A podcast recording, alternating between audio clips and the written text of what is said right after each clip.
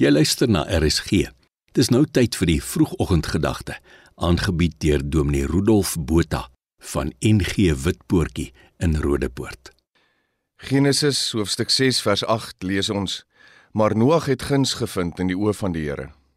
Wanneer ons hierdie teks lees, kry ons die idee dat Noag amper perfek was. Maar ons moet onthou dat Noag eintlik ook 'n paar geraamtes in die kas gehad het.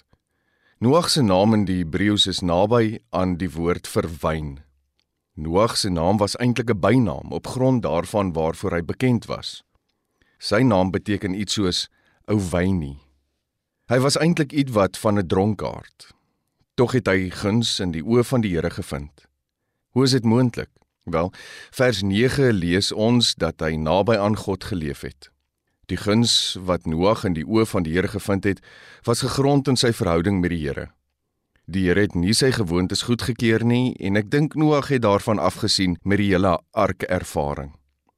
Maar die belangrikste is die feit dat God vir Noag gekies het en guns betoon het op grond van Noag se verhouding met die Here. Soms is ons geneig om onsself of ander af te skryf omdat ons gewoontes het waaroor ons skaam is of wat ons skuldig laat staan in die oë van die Here. Maar wanneer ons die verhaal van Noag en nog baie ander in die Bybel lees, lyk dit tog vir my of daar hoop is.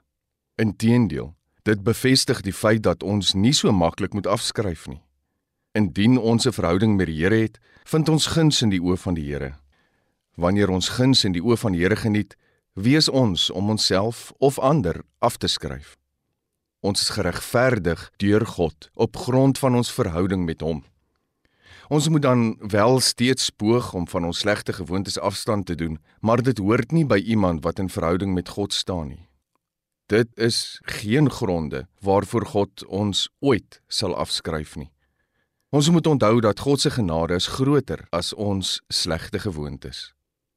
Here, dankie dat U aan ons guns betoon op grond van die verhouding tussen ons en U ten spyte van die geraamtes wat ons in die kas het en die dinge wat in ons lewens is waaroor ons nie trots is nie. Amen. Dit was die vroegoggendgedagte, aangebied deur Dominee Rudolf Botha van die NG Witpoortjie in Rodepoort.